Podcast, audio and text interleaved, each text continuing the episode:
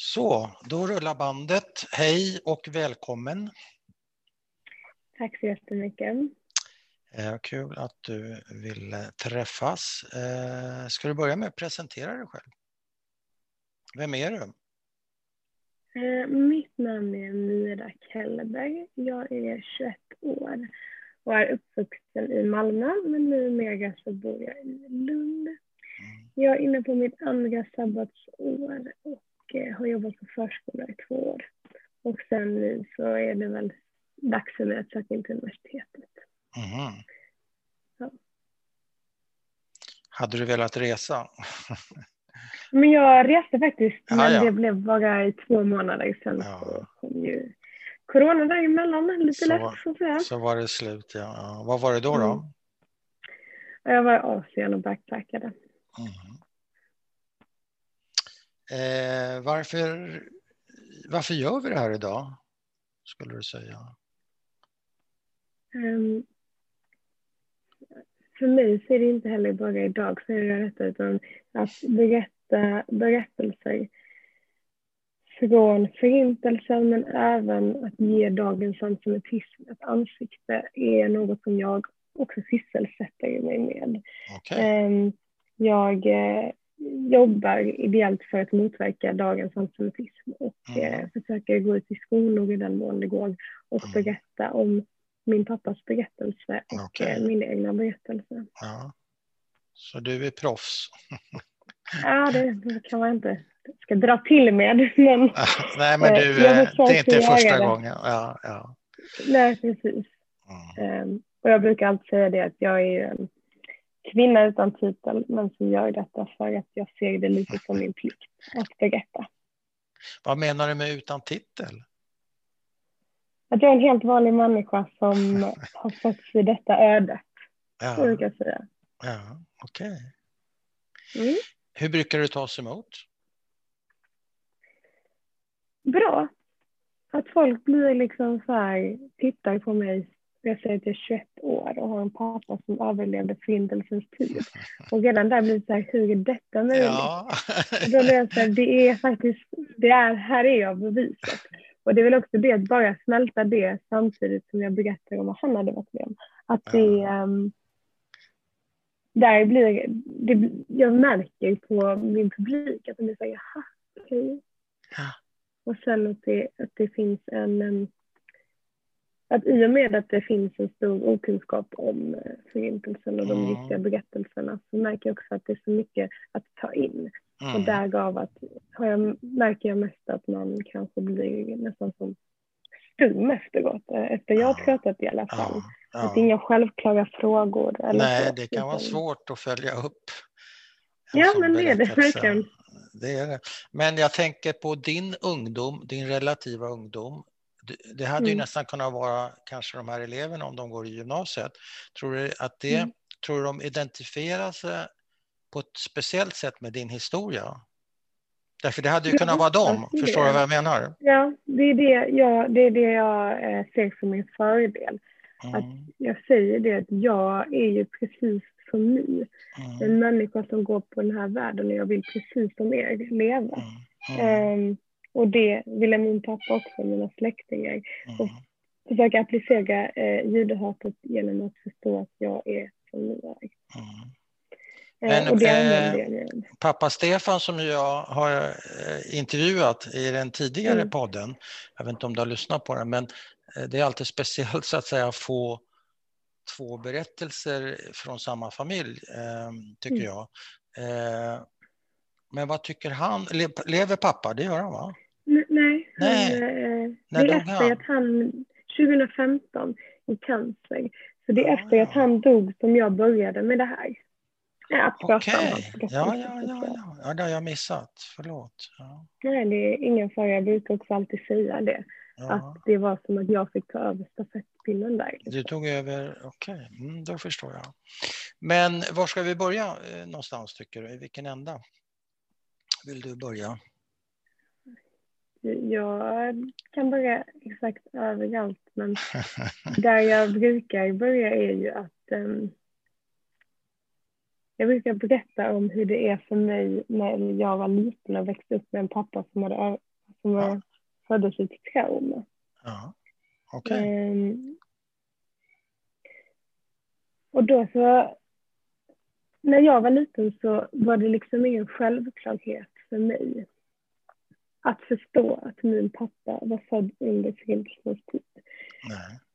Eh, än idag är det väldigt svårt för mig att förstå att min pappa föddes 1940, Ja. precis i utbrytandet av kriget.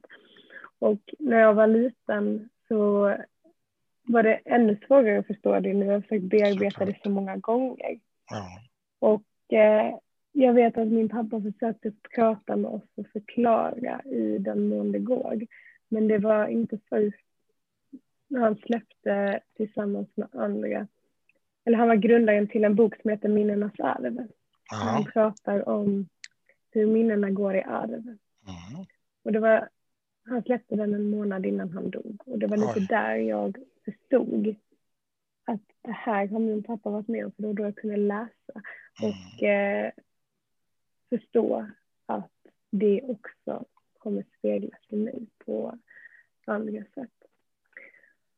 Och när jag växte upp med min pappa så man har ju, eller jag hade ju en mamma och en pappa så Ja. jag hade ju bara två referensgamar. Jag vet Ja. ju inte hur andra pappor är. Nej. Men jag vet att min pappa duschade tre gånger per dag. Att han vaknade mitt i natten och kunde skrika eh, på ett sätt, på ett annat språk. Och för mig var det liksom, till slut så blev det normalt att jag och min syster satt där och bara gud pappa skrek i natt igen. Ja. Hur ofta sen- hände det? Alltså det var periodvis men det var ändå ofta. Och jag minns framför allt att när min pappa kanske vilade på dagen och om han sov, om man ville honom som ett barn kanske bara skulle Ja. sova. honom. Ja. Jag vet inte riktigt. Men jag minns Nej. att om jag skulle försöka väcka honom, vilket vi ibland var tvungna att göra, Ja. då var det som att han fick en kallsup nästan och att han var Oj. helt chockad över att han levde i den här världen Ja. för att hans mage var så starka. ja. Men Och det vila... är liksom något, jag, det är något som jag liksom kan verkligen känna har, jag har med mig från hans eh, trauma. Vila han varje dag? Ja, varje dag efter lunch. Ja. Han behövde det. Ja. Ja, kanske för att han hade så mycket mardrömmar på natten. ja, just det. Det var andra orsaker, men han, han behövde det. Och eh, som barn så, det är verkligen det som jag säger, att jag tänkte inte mycket på det. Nej. att, att det här är em, ett resultat av hans liv som barn. Att han är född i en värld där han skulle bli dödad för det han var, jude. Inte för vem han var eller hans personlighet utan bara för att han föddes som jude så skulle han bli dödad. Och det är så svårt att sätta sig in i det. Det är det. Eh, Jag försöker alltid tänka på det, liksom att, att inte ens ha en chans i världen innan ditt öde bestämt att du ska dö. Nej, det var kört är redan från början för de flesta helt Det enkelt. De som inte flydde eller gömde sig eller ja, olika Mm, hade tur helt enkelt så var det kört. ja, Ja. eh, precis. Och ehm, det... Och det är liksom...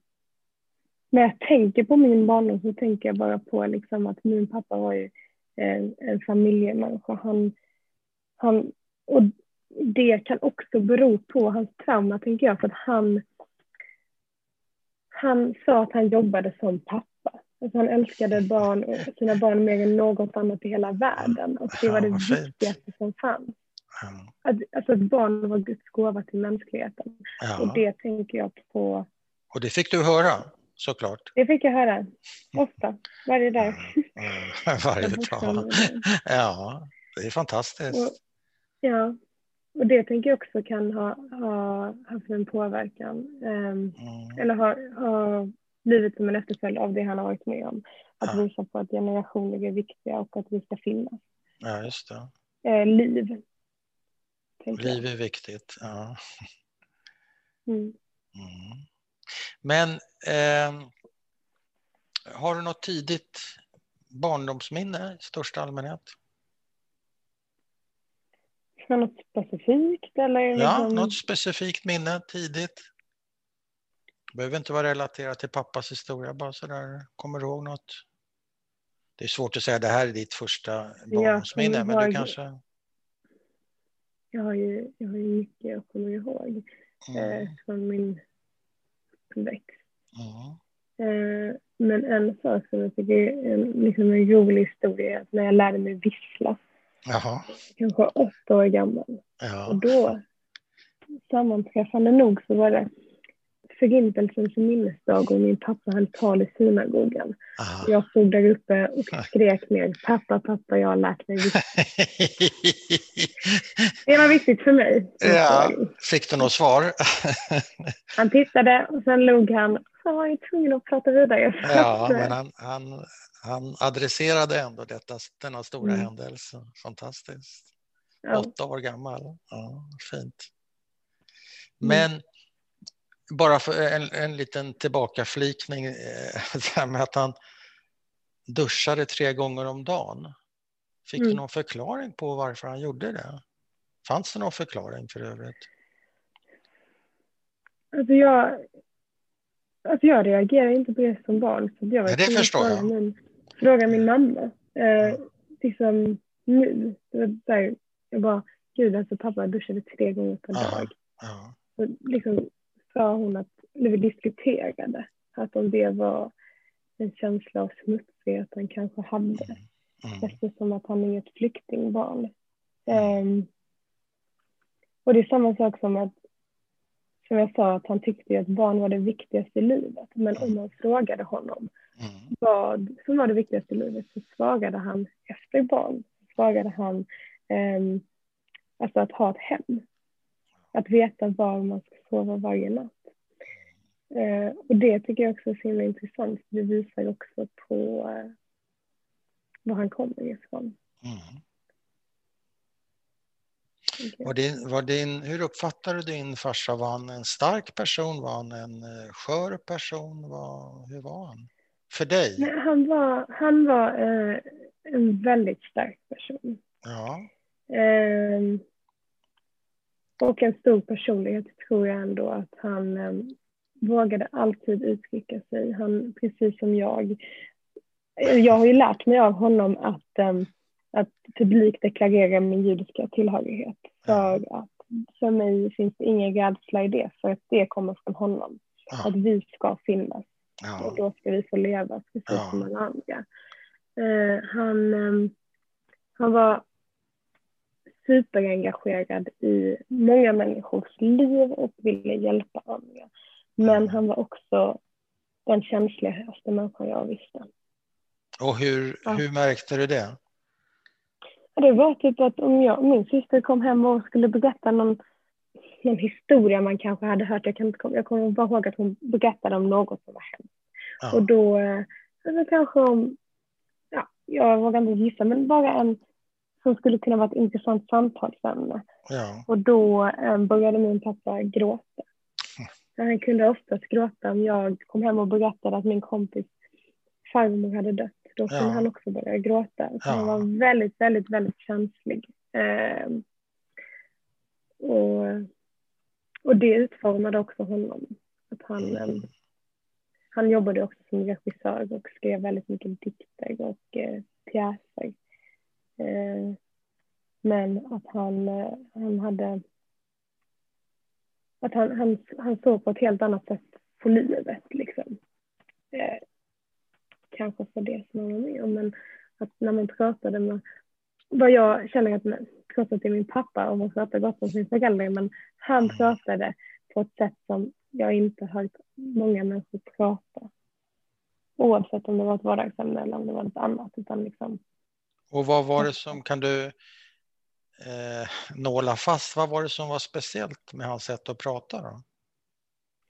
Och jag gissar att du gillade hur han pratade, det låter så. Ja, alltså det, det är väl liksom mer att han, han kunde se från ett helt annat perspektiv som jag aldrig någonsin kan förstå hur han Nej. hur han kunde göra det. Ja. Att om, det var, om jag skulle komma hem och klaga på någonting så skulle han inte se från det andra perspektivet utan från det femte perspektivet. Ah. Men Mira, vet du vad?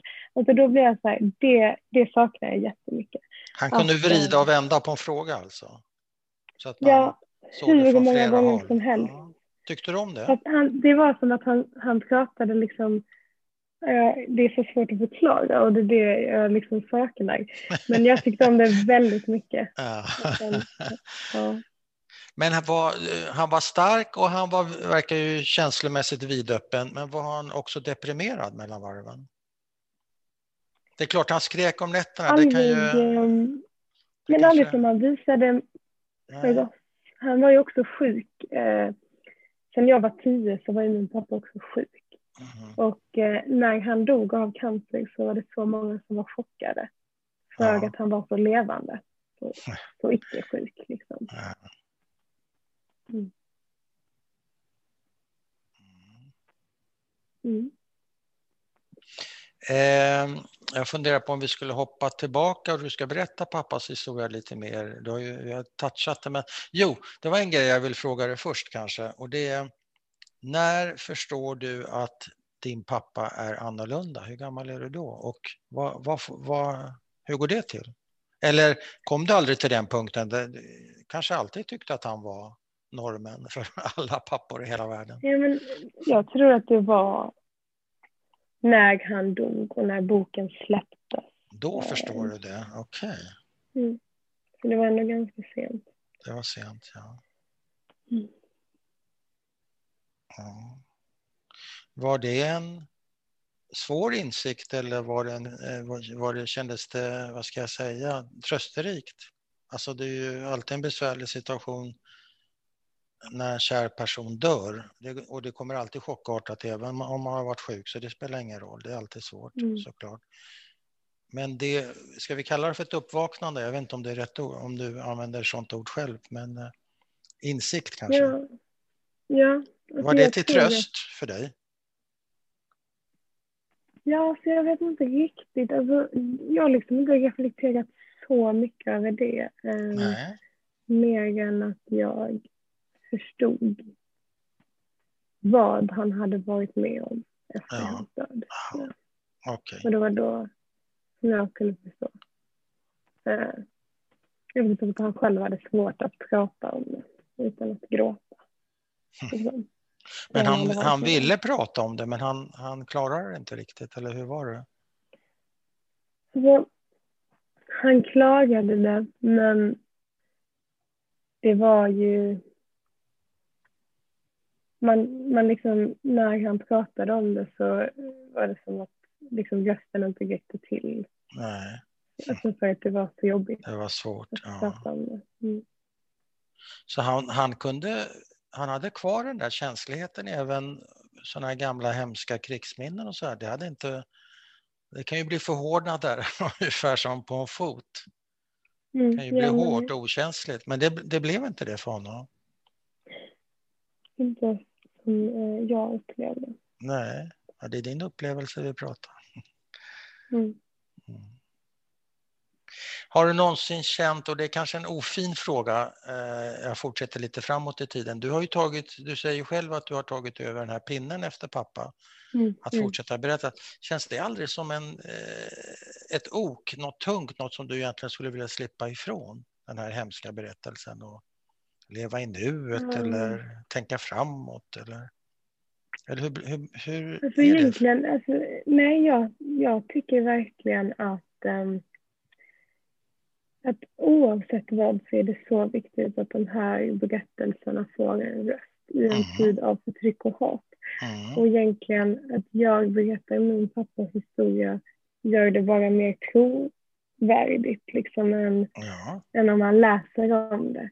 Och för mig så, när det finns så mycket hat mot judar i dagens samhälle så blir det eh, som ett sätt att ge mer kunskap till varför man inte kan uttrycka sig på vissa sätt eller skämta om vissa sätt när det kommer Aha. till, eh, till förintelsen. ja. Eh, Så jag ser det som ett redskap också att eh, ge mer kunskap. Och eh, jag är ju så fast beslutad om att mitt barn inte ska växa upp med en berättelse om förföljelse. Nej. För att precis som att min pappa höll tal på kristall, eller på Förintelsens minnesdag håller Ja. jag tal idag om dagens judehat. Ja, ja. Och det, det vill jag inte. Så därför måste jag göra det om jag vill göra något åt, um, åt framtiden. Ja, Jag förstår. Skulle du tacka ja till att prata på Förintelsens minnesdag? Jag har eh, pratat på Kristallnatten Ja, ja. eh, Mm. för två, för två år sedan Ja, ja. för Malmö synagoga. okej. Ehm, Mm. Så att det, det, det gör jag gärna. Det, ja, det gör det gärna. Men du pratar om förföljelse, att ditt framtida barn pratar vi väl om, va? Ja, som Ja. finns där. Vad sa du? Ja, men som, Som inte finns. nej, nej, men som du, du, du planerar ju hur det ska bli, hur det ska bli bra för det här barnet. Det tycker jag är väldigt fint. Men eh, att du vill sätta stopp för de förföljelser som till exempel din pappa fick utstå. Mm. Men har du blivit förföljd för det du gör? Inte för något jag gör utan för vem jag är. judinna. Men för att, för att du är judinna blir du förföljd? Eller blir utsatt för... Jag har blivit utsatt för hat för att jag är judinna. Ja. Det är ju förfärligt. Tror du Ja. kvinnor, tror du, det här är en spekulation eller det är en fråga som inte, men jag ber dig spekulera, tror du att kvinnor i allmänhet är mer utsatta för hat och hot till exempel på sociala medier än män och att då judis, judinnor skulle vara mer utsatta än judar? Jag vet inte. Har du funderat på den aspekten? Det, jag tror inte det. Nej. För att ehm, för att jag har blivit utsatt för att jag burit min Davidsstjärna och Ja. liksom så en jämnårig eh, kompis är kille. Ja. Eh, så att jag tror att eh, eh, att det är vår judiska tillhörighet som Ja. är motivet. Ja. Eh, Det är så enkelt och så Inget hemskt. annat. Nej. Jag tror det. Finns det någon sammanblandning tror du i, i de här eh, ho- hoten och hatet och förföljelsen får man ju faktiskt kalla det för. En sammanblandning eh, från de här korkskallarna mellan att vara jude och att eventuellt sympatisera med Israel eller att man blandar ihop. Den här Davidsstjärnan kan ju symbolisera lite av varje så att säga. Mm. Hur, hur tänker du där? Eh, Jag... eh, Allt antisemitiskt som jag har varit med om är Ja. från helt vanliga svenskar. Ja, okej, det var inte det jag var ute efter. Eh, Men en del kan ju Mm, vara mm. eh, anti-israeliska och inte vet jag. Men Mm. eh, en, eh, hypot- Men jag en, ännu bara, en hypotetisk fråga. Men du menar att Men det är inte mig folk har det- från Mellanöstern alltså, det är det du säger? Nej, att mina erfarenheter grundar i en Svensson som jag tror egentligen har uttryckt det på ett sätt som varit katastrof för mig. Eller om det är ett skämt om förintelsen eller att Ja, för att du är en publik person, de vet vad du står för och vad du håller på med och då ska de trycka Nej, till dig. bara, mer, bara min judiska tillhörighet. Eller bara för att stjärnan jag- menar du? Ja, jag stod i en matkö. Så var det en kille som frågade om jag var judinna och efter det så heilade han. Förlåt Så att jag att, eh, skrattar, det är ju så knasigt så att man... Ja, så jag tror att just att utgöra vem eller varifrån eh, judehatet kommer, det för mig kan jag inte svara på. Jag vet bara att det är de vanliga Svensson som Ja. mina erfarenheter kommer ifrån. Men när du utsatts, utsätts för det här, vad pratar vi om? En gång, tio gånger, hundra gånger? Ja, vi kan ju prata kanske uh, cirka tio gånger. Liksom. Ja, Okej, det är tio gånger för mycket hur som helst såklart. Mm. Eh, men ekar din pappas erfarenheter i dig då? Mm. Eller handlar det bara Ja. om dig? Nej, det handlar, jag säger det att den här killen, när han heilade framför mitt ansikte så sa jag, du heilar precis som Hitler gjorde som mördade mina släktingar. Ja, okej. Så säger jag. Så hänger det ihop. Mm. Mm. Jag hörde ju en, Vad sa han då? nej men det blev också som en stum reaktion och sen så försvarar man med det, men det var ju på skoj. Jaha, okej. Såklart. Jaha, jag skoj, har ingen Och, humor. ehm, Ja, men det är ju så jag förväntas ju skratta. ja, Men det var en tjej som sa till mig, eh, som jag inte hade en koppling till, men vi kom in på samtal som jag och mina vänner kände varandra. ja, Vi kände inte den här främmande tjejen då. nej, nej. Och då så sa hon, ehm, hon frågade om vi var kristna och jag svarade som alltid nej, jag är judinna. Och då så sa hon, medan hon skrattade hysteriskt, är hon judinna, gasa henne för fan. Oj. Och då, ehm, då svarade jag också att min släkt blev mördad i koncentrationsläger och att du skojar på ett sätt som normaliserar rasism. Och att jag tänker att det inte är första gången du uttrycker dig så här eftersom att du sitter med ett gäng främlingar. Men att, men att du ska säga detta framför en judinna för att förstå att det du säger är fel är nog det värsta av allt. Och vad sa hon då? Också samma sak, men det var ju ett skämt. Det var ett skämt. Men vad cool det är som kan formulera tre, fyra sammanhängande meningar på ett... ja, men, det är så lätt tycker jag när man blir utsatt för något. Jag har aldrig blivit utsatt för just sådana här grejer, men när man blir utsatt för någonting så blir man ofta stagen på sängen och så efteråt kommer men jag borde ha sagt så här, så här borde jag ha sagt. Men du finner dig. Men jag är Det är tvärtom, lite jag ovanligt. säger och sen så gick jag och grät. Jaha, okej. Så det blir tvärtom för mig för jag vet att det måste sägas. Liksom. Ja, och kan... sen får jag reagera. Ja. Jo, för, jo, först är det hjärnan, sen är det hjärtat. Mm, precis, Kan man säga. Mm. Och sen Men, så tror jag att... Jag tycker det ehm, är beundransvärt att du kan formulera dig så...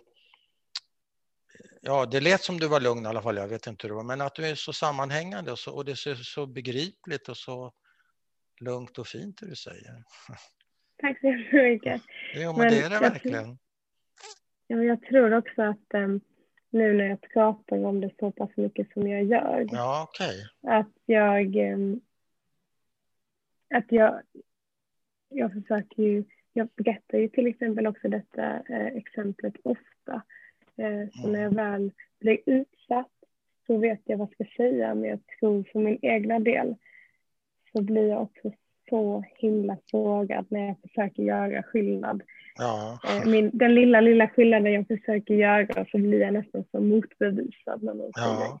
så. Men betyder du att du, du körde upp dina axlar precis? Betyder det att du går med axlarna uppe hela tiden och ska vara beredd på att komma med en replik om någon säger något idiotiskt till dig? Har, Jag- har du en jag beredskap så att säga? Ja, jag tänker ju att, ehm, att judar...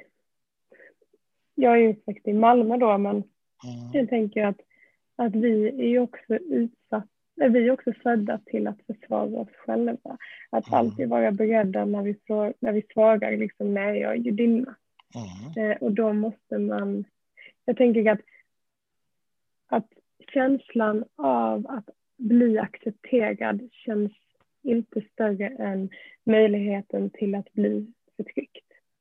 Eh, att det är väl det som gör att man måste vara beredd när man svarar på den Mm. frågan. Och, eh, vara redo att ta kampen för att eh, stå upp för sig själv.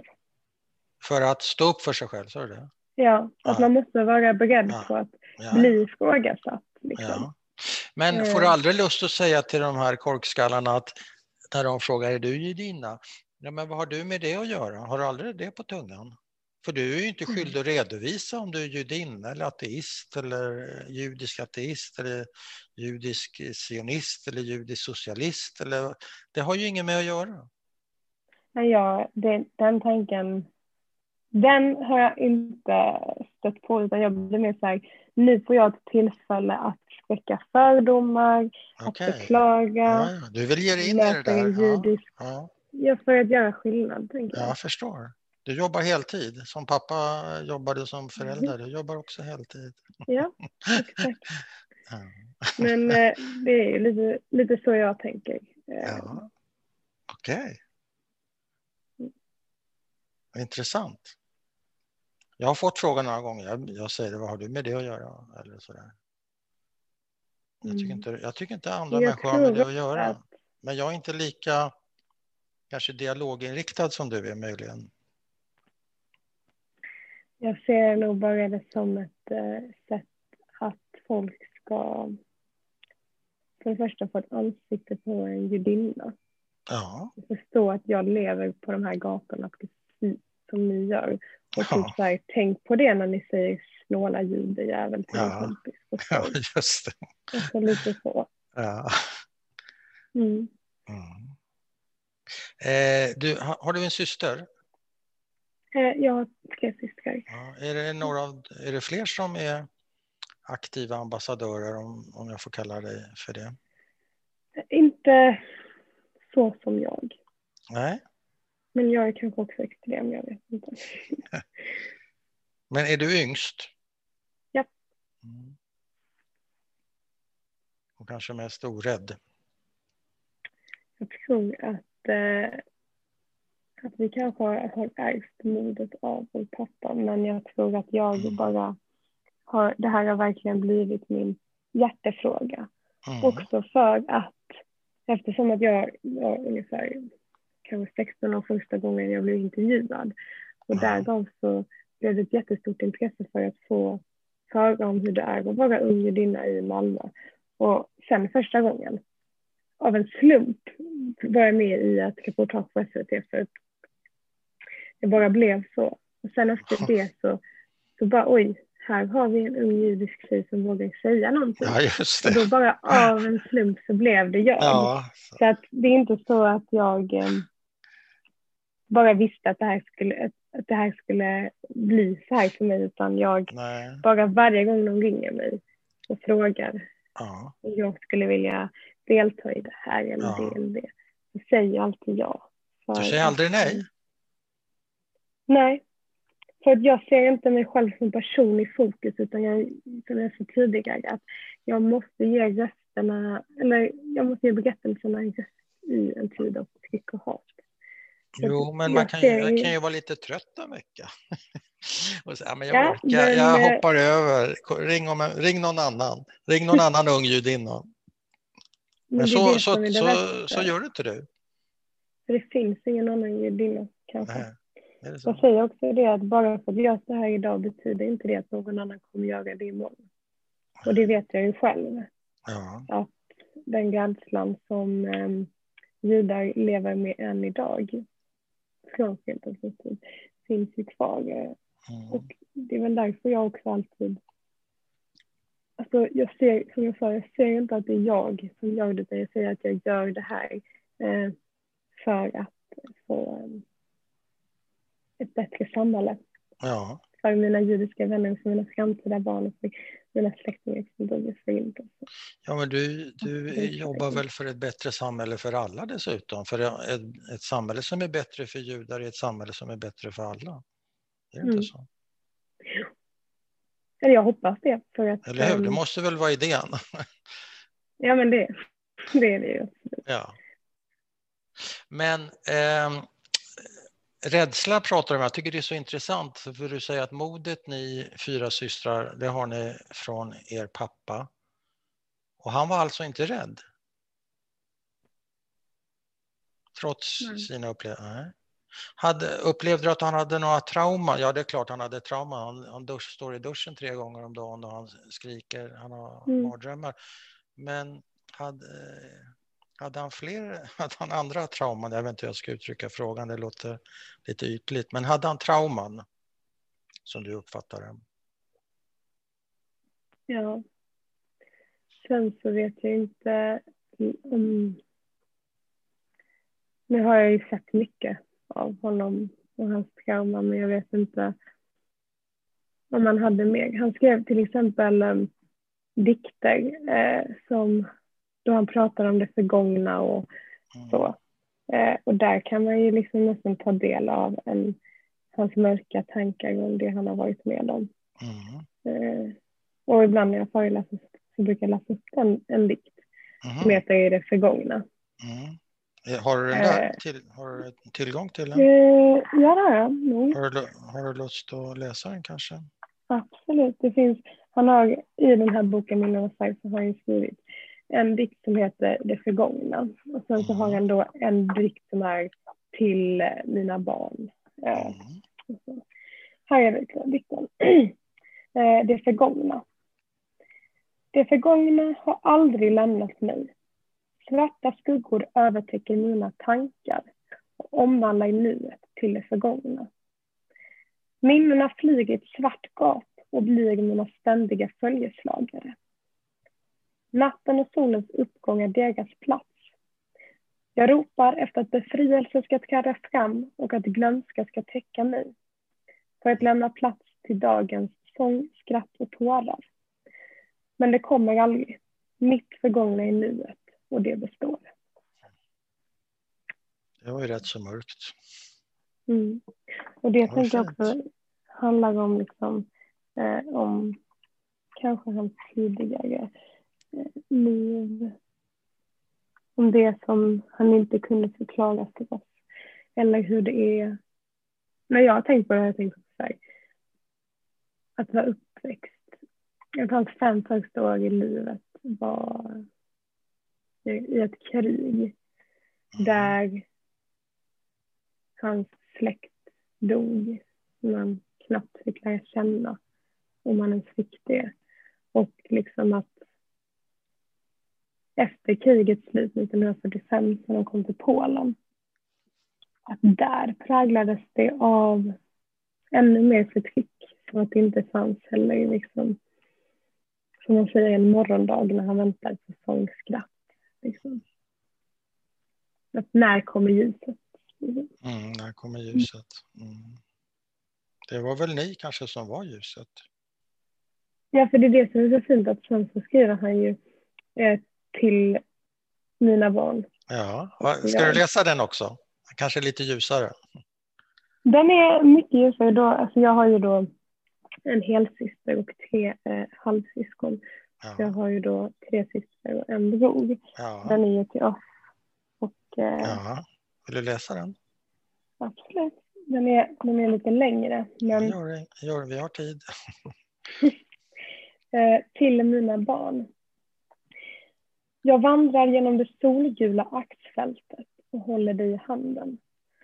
Din hand omfamnar min som blommornas blad omfamnar blomman som en länk mellan själar.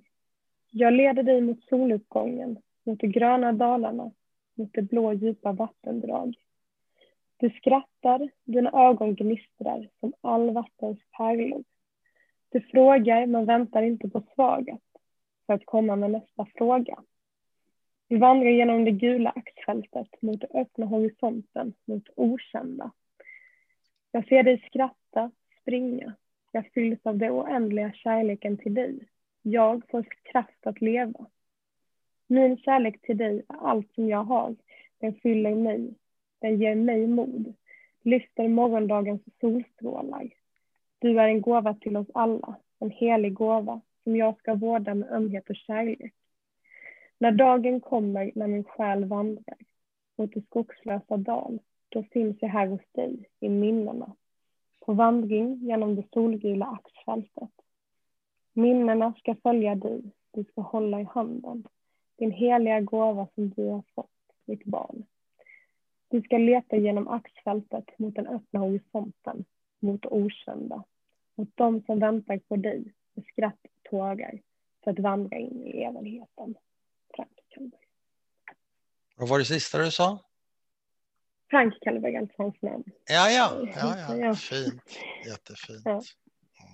Mm. Ja, nästan, lite, nästan lite religiöst feeling, om man så vill. Ja, det är Eller? en tolkningsfråga. Ja, det är en men... tolkning. Ja, det var min tolkning. det är en dikt. det är en dikt, ja. ja. Men det är det också att han... Eh, jag får ju känslan av att han kunde bearbeta mycket eh, i skrift. Han skrev ju jättemycket dikter. Eh, jag tror att alla vi barn har fått varsin specifik dikt till oss. Liksom. Mm, eh, Och det, det är det man kan glädjas åt. Mm. Ja. Ska du dra lite kort kanske hans historia i alla fall? Så vi får med det. Det vore fint. Ja. Va, vad heter pappa? Min pappa heter Frank Kallberg. Mm. Um, och han föddes 1940 i Ternopil uh, som var dåvarande Sovjet. Okej.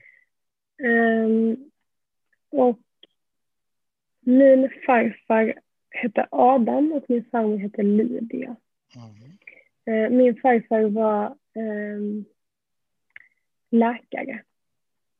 Uh, och det var genom att han var så högt uppsatt läkare som eh, egentligen jag har fått som att de, min farmor min farfar och pappa kunde överleva.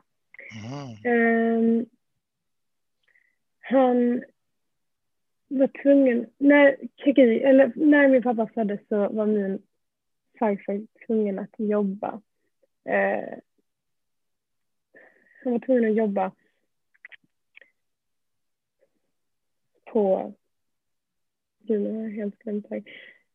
Ja, just det, min farfar var, var officer i Röda armén. Så. Ja, ja. Som, då, han, gjorde, han var så, inkallad helt enkelt i kriget. Ja, precis. Exakt. Ja. Tappade helt bort mig där. Ja, men här kom lite, det... kanske lite, du var kanske lite oförberedd. Vi hoppar från en nej, dikt men, rakt in i, i nej, men Jag har berättat det så många gånger. Ja, jag vet. Jag, jag men förstår jag, det. Precis. Ja. Och sen så var min farfar farmor och min pappa var ju då tvungna att fly ensamma. Mm. Och då så hamnade de först eh, i Kazakstan var de Oj. länge.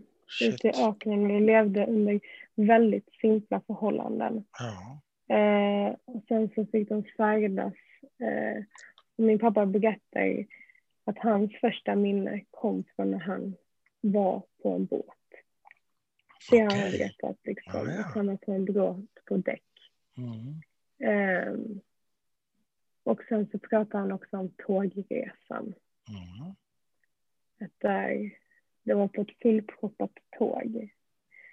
Um, och det har jag själv minnen för, för, när han pratar om den här tågresan och hur mycket människor det var, det var det han beskrev ofta, så är det så intressant för att han, han hade ju klaustrofobi.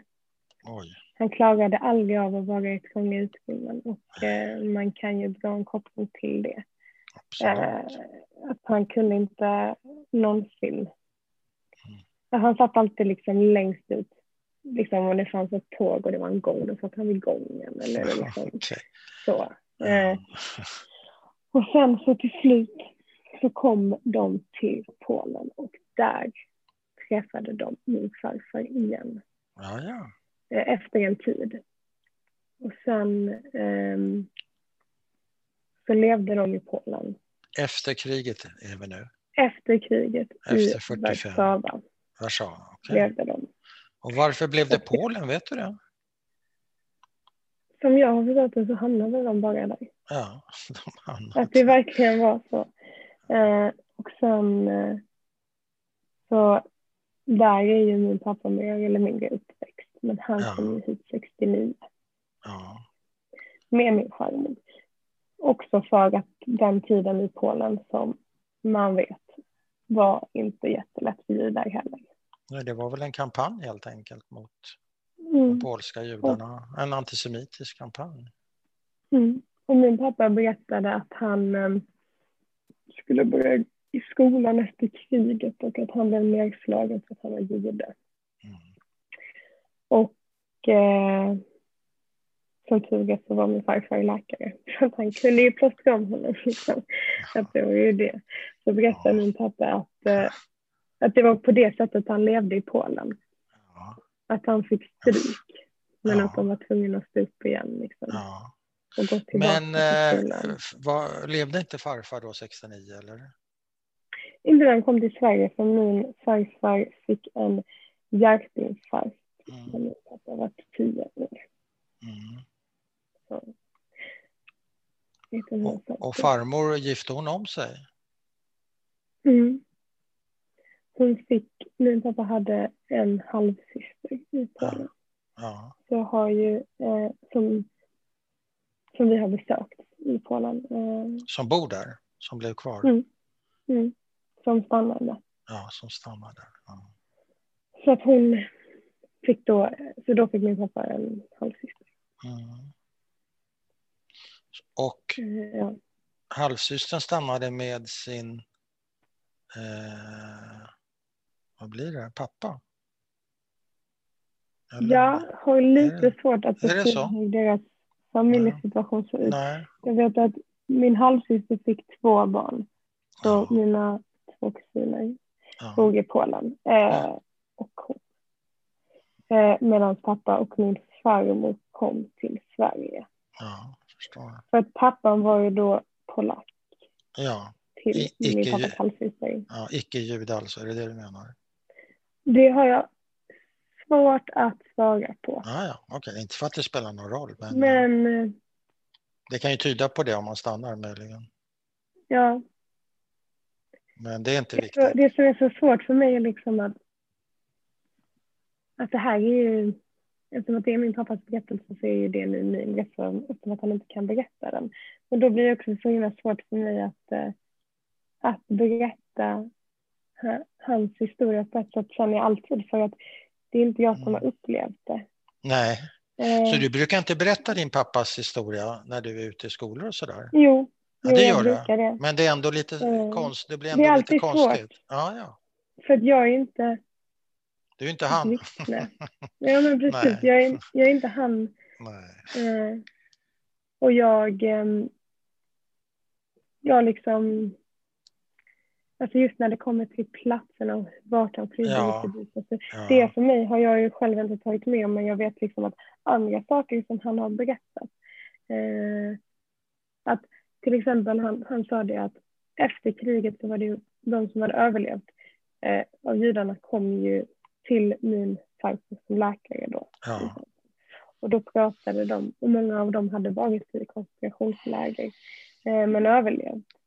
Och jag vet att min pappa sa att han hade hört de historierna så mycket att han kunde känna igen platserna när han väl var där för första gången. Ja. Ehm, och han tog ju, jag och min syster eh, Li och min mamma, vi åkte till eh, Polen och besökte Auschwitz för eh, min bat mitzva, eller om det var för Elis bat mitzva. Eh, för att pappa ville väl någonstans visa oss platsen. Men då slutade också bara med att han grät hela tiden. Liksom. För att det var ju Hade han förlorat sin släkt där alltså? Eller? Ja. Vi vet ju inte var. Nej, men det okej. var ju bara tre överlevare. Ja, Det är ganska troligt. det är tungt. Och då grät han hela tiden. Han klarade inte riktigt av det. Han fick sätta sig ner och guiden Ja, frågade honom om han ville avsluta det liksom, för att det Ja, var så tungt det var honom. tungt. Ja. Mm. Och då var jag ju bara 12. Mm. Men jag är glad att, han, att jag ändå. Men skulle du göra samma sak med ditt barn som vi återvänder till lite nu och då? När hon eller han, vad ska det bli? En hon tyckte jag du sa, eller? Nej, man ingen inte. aning. Mitt hypotetiska barn. Det vet man inte. Nej. När, säg hon, för då har vi samma ålder, när hon blir bat mitzva, 12 år gammal, konfirmerar sig judiskt, om hon nu vill det, säger vi. Mm. Skulle du ta med den flickan till Auschwitz? Jag tycker det verkar vara en rätt så tung resa att genomföra för en 12-åring, men jag vet inte. Vad säger du? Jag... ehm, jag tror att jag hade velat åka dit. Eller jag vill åka dit med mina hypotetiska barn. Ja, Eh, men redan vid 12-årsåldern? Jag tror att min pappa gjorde det för att han var, ju nära, han, han var ju nära på att dö hela tiden. Så jag tror att det var viktigare för honom att, att vara där med oss. Ah, Eh, än att... Eh, jag förstår. alltså, jag- för att han fick, sin, han fick en hjärtinfarkt när jag var tio redan. Så att det var alltid så. Så för honom tror jag att han... eh, Och vi var väl förberedda. ja eh, okej. Ja. Och vi gick liksom, och vi åkte också till Krakow och, Ja. och eh, liksom min farmor och farfar har någon gravsten i Krakow som vi försökte hitta. Så det var också liksom på något Ja. sätt, alltså fast det var tungt, men det var också det att jag kommer också från en, en teaterfamilj där det är mycket känslor och det är så här, Ja, ja. för mig var det också bara så naturligt på något sätt fast Ja. jag var så liten. Ja. Så minns jag inte den resan som så tung utan jag minns det också som något väldigt vackert. Att, Mm.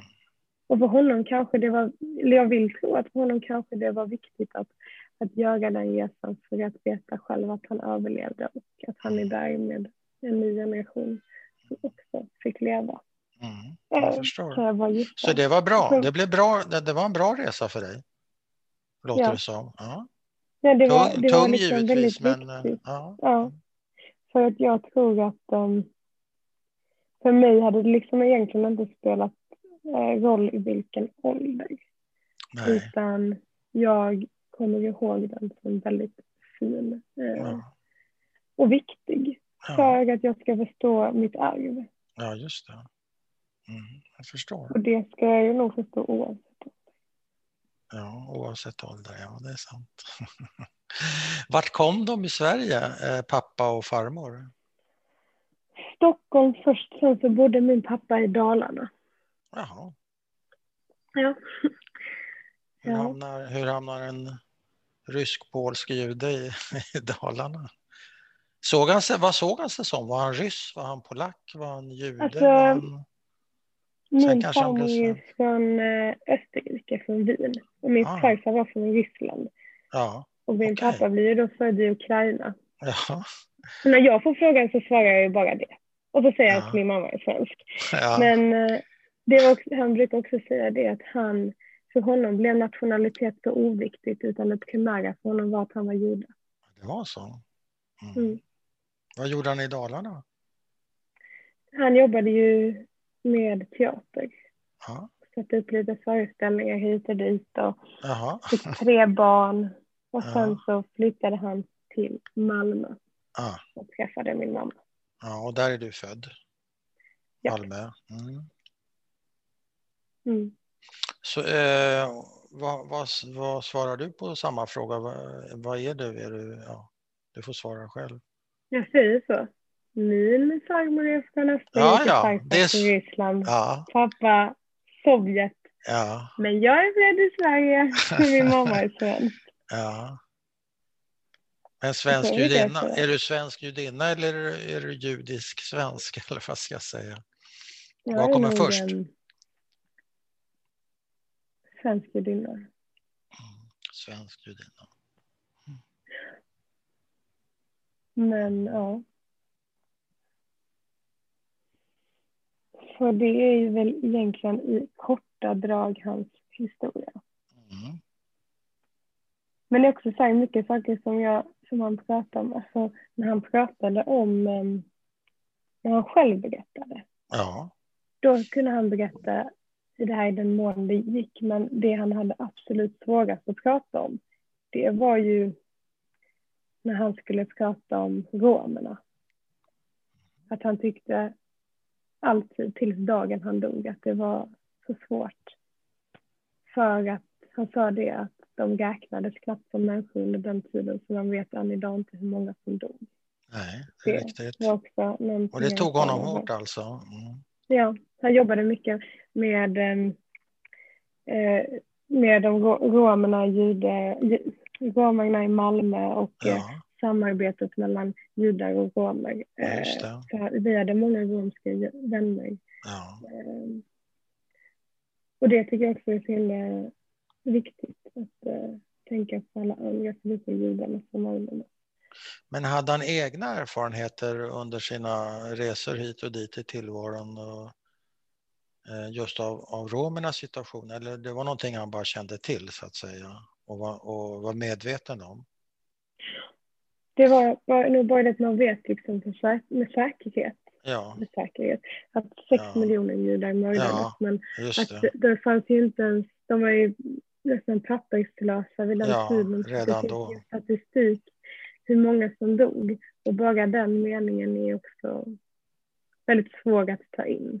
Mm. Eh, Mm. Det är ju intressant också därför att eh, en del har berättat, man kan läsa om det också givetvis, att det fanns mycket eh, samarbete, mycket kontakter mellan judar och romer, för båda var liksom i marginalen under de här åren.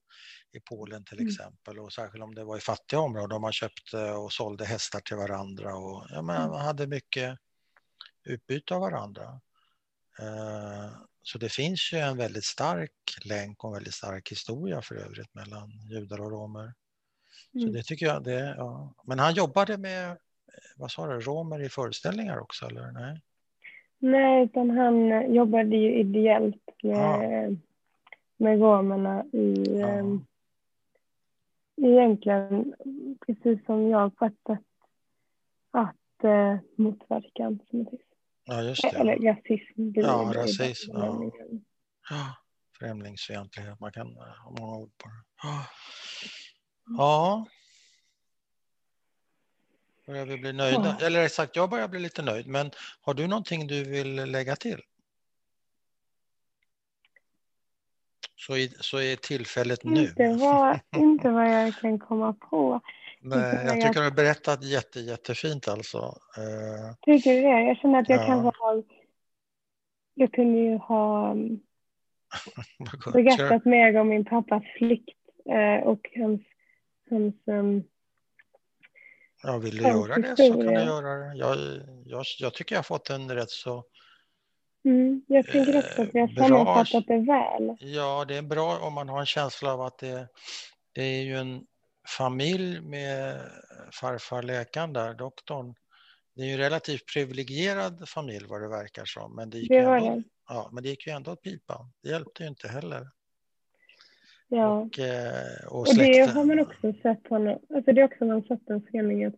Min pappa som han beskrev det att liksom att innan allt eh, så var de, eh, hade de levde väldigt privilegierat i många ja. olika sätt och ja. hade liksom mycket fina mycket fint hus och alltihopa. Ja. Sen förlorade de det och när han kom och sen bara blev en kulturarbetare så var det det sista han brydde sig om. Liksom att det blev ja. en motreaktion till det. Ja, ja. Alltså när man har sett livet och döden på så nära håll. Ja, ja så kan det vara. Vad blir meningen av livet? Liksom? Ja. Mm. Det är, frågor ja. vi, det är frågor vi alla brottas med för övrigt. Ja, Meningen det... med livet. Så att, och det är ju tur det att man har någonting att fundera på på lugna kvällar. Det är väldigt sant i pandemitider. Ja, i pandemitider till exempel. Tack mm. snälla Mira. Mira, betyder det, jag sa det till någon men jag tänkte jag är nog ute och cyklar, betyder det fred på spanska? Nej. Myra betyder titta på spanska, men myr betyder fred på latin. Jaha, det var inte en siffra rätt. Ja, ja. Men nära. Ja, nära, tack. Men Mira betyder titta. Ja. Varför fick mm. du det namnet? Vet du det? Delvis från Miriam. Ja, och vem är Miriam? Moses syster. Vems syster? Moses. Ja. Men, eh, hoppas jag, ja. Nu är jag helt osäker. Jo, Miriam Aron. Ja. Men också... Eh, alltså den bara... Moses i, i Bibeln, var är vi någonstans? Ja. Vilken Moses? Jaha. Tänkte jag missat någon som, i familjen som heter Moses, tänkte jag. Jag hörde inte. Ja, nej, nej, nej. Ja, ja. nej. ja, ja. Miriam.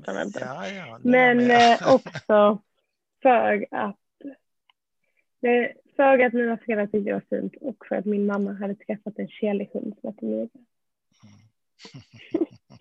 Så döpte en hund. Så blev det.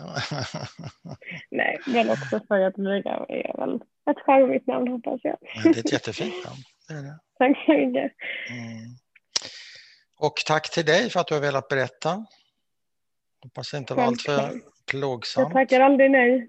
Nej, du gör ju inte det.